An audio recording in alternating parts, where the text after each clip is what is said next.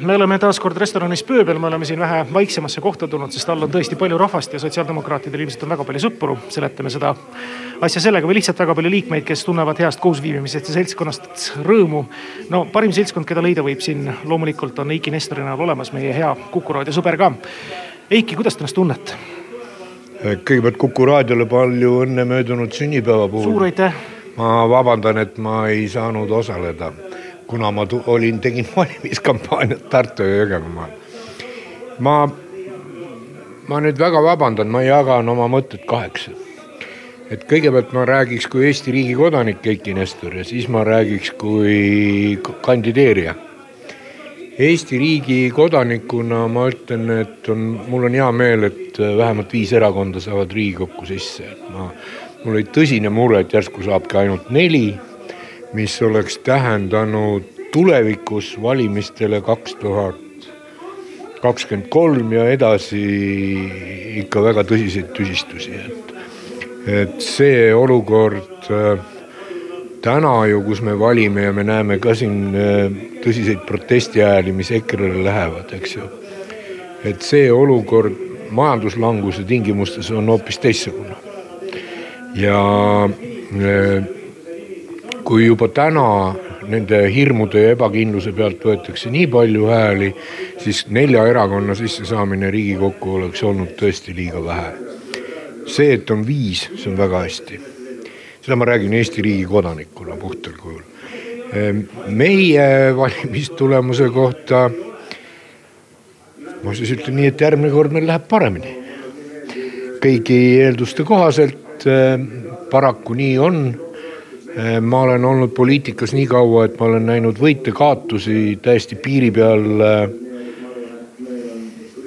ujumist niimoodi ja sissesaamist kuue kohaga range niimoodi matemaatika pealt kokku arvutatud kuus kohta, et me saame ja me saime. Äh, ma usun, et järgmine kord sotsiaaldemokraatidel läheb kindlasti paremini kui seekord ja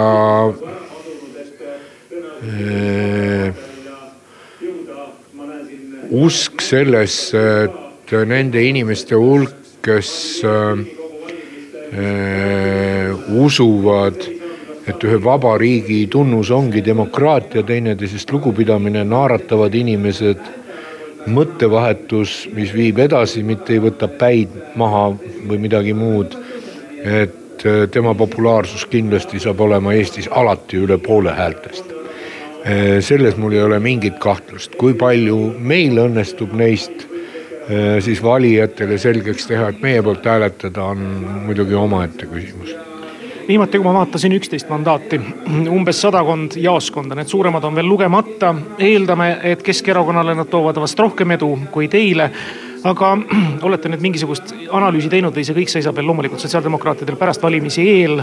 kas erakonna esimehe valikuga on täppi pandud, kas tema tööga ollakse rahul? ja kas need asjad, mis siis nüüd raputasid sotsiaaldemokraate, olid ennetatavad, sest ega nagu nüüd tagantjärgi kõneldakse, üks väga suur häältemagnet, kes ilmselt palju hääli tänu mitu, mituteist aastat tagasi tehtud valim-, lõputöö pettusele. see neid hääli võis ikka palju ära minna, et see lugu oli ju tegelikult teada, mingites kuluaarides riikus ja no selliseid asju peab ju kogenud äh, poliittehnoloogina ja taga, taga, tagatubasid tundvate inimesena teadma. vaadake, meil on erinevad erakonnad, et äh, on erakonnad, kelle valijad äh, äh on võib-olla isegi võiks öelda skandaalide suhtes immuunsed või, või nad ei tunnegi neid või, või nad ei võtagi neid väga nagu kuskile hinge. noh, ma arvan, et nende valimiste kaks kõige suuremat häälesaajat erakonda on just sellised, eks.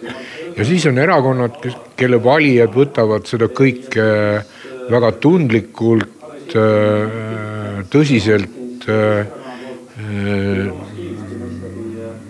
isegi valuliselt teinekord ja muidugi see meie tulemuste, meie tulemusi mõjutab.